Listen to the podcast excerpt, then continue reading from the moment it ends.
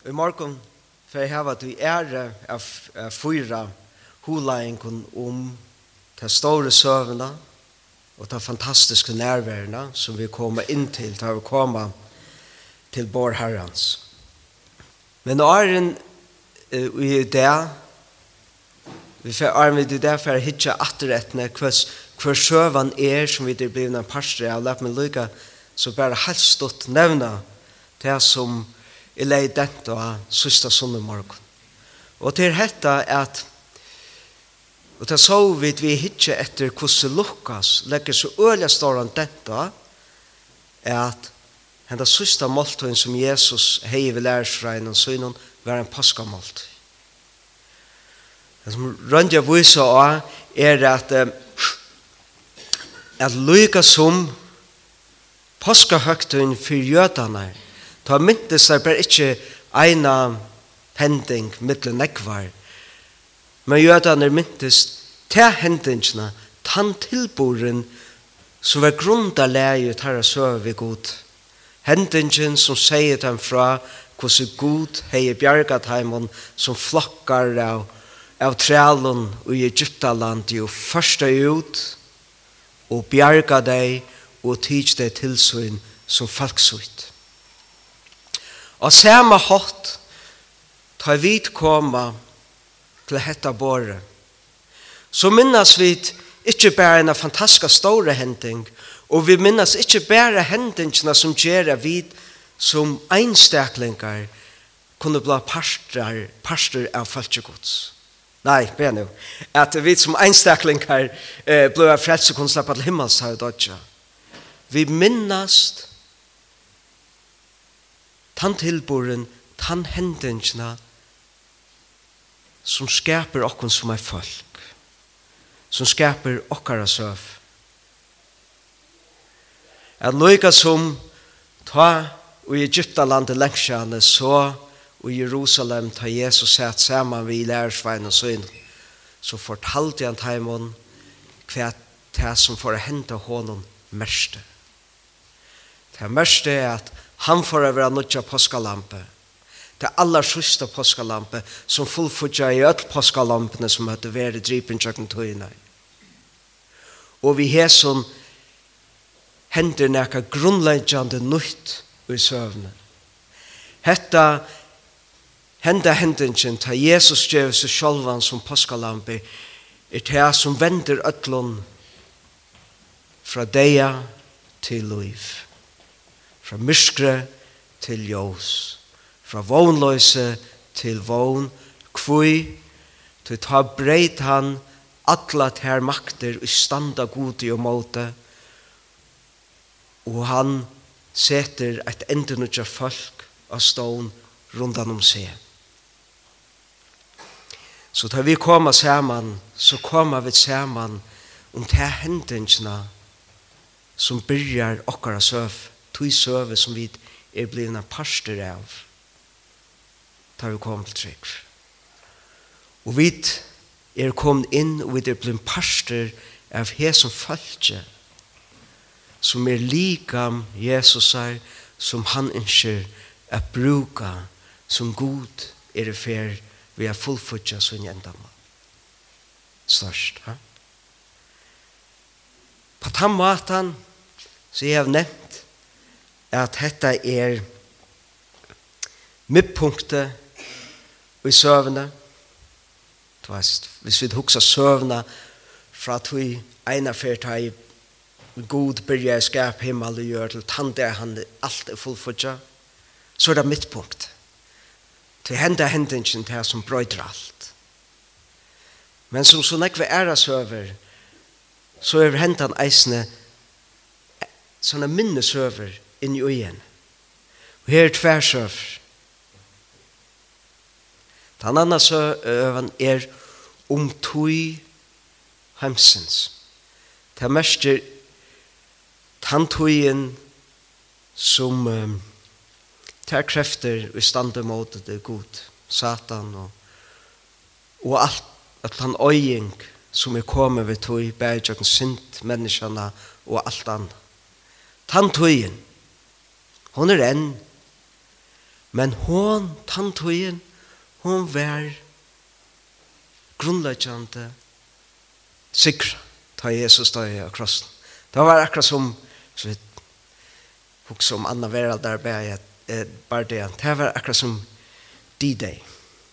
Ta i tannbardagen ved færen, ta i ungeleier atter, Tui heimsins er ta færande tuin tøyen til synd og deia og ønskapa, tøy som stønder gode og liv løyvi hansare måter. Hinn tøyen, ta nutja tøyen, tøy krissa, hon byrjar vi hese hendengen. A krossnon byrjar enden av tøyene tja tøy ønda, og av krossen byrjar eisne en nudstøy, her frelsa gods, her nærværa gods byrjar a ut om atlan heimen. Kosse vi er andre gods som virkar og jøknun folksutt a gjerra Kristus åpenbæra.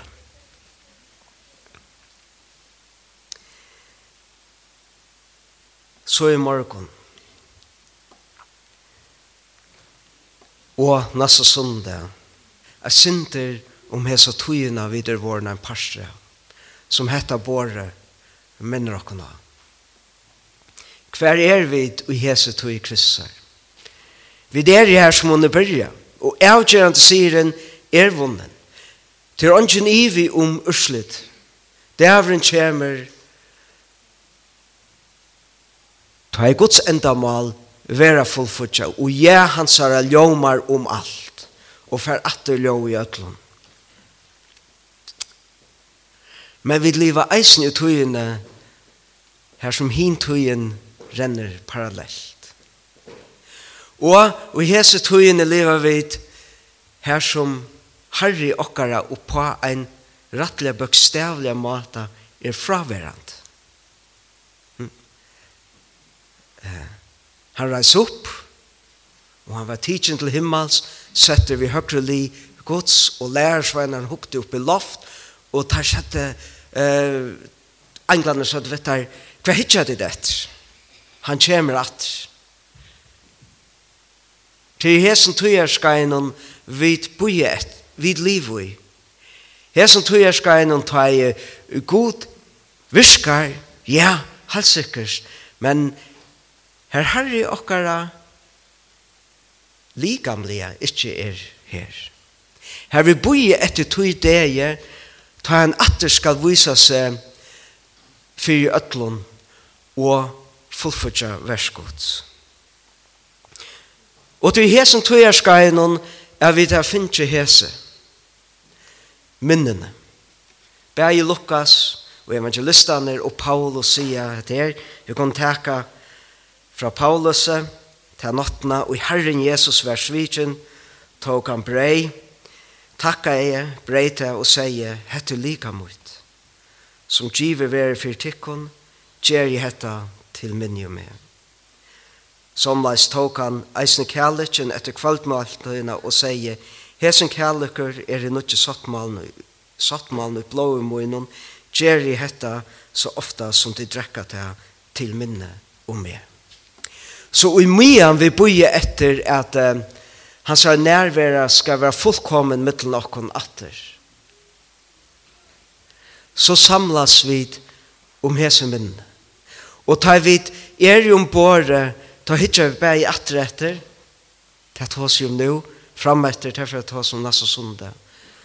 Men ta vi hitja atter etter, så minnas vi han. Vi minnas hans liv, og hans herra versk og særlig verset som han gjør det av Golgata at han gjør det av nudjan sattmala så vi kunne bli av parster av hese nudje søvne. Men merket er så at han er bare vekk, puff, ångstens, lengt vekk her som vi ikke suttja han og ikke mer. Nei, for han er eisende lova av være nærværende.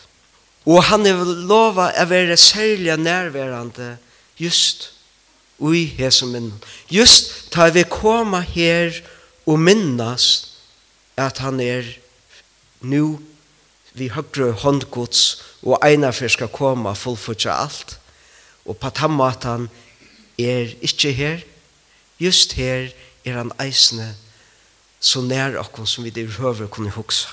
Paulus sier i fyrra grunnbrav tutsch bant arn han tåsar med her vi, vi skulle minnas han til han kommer atter.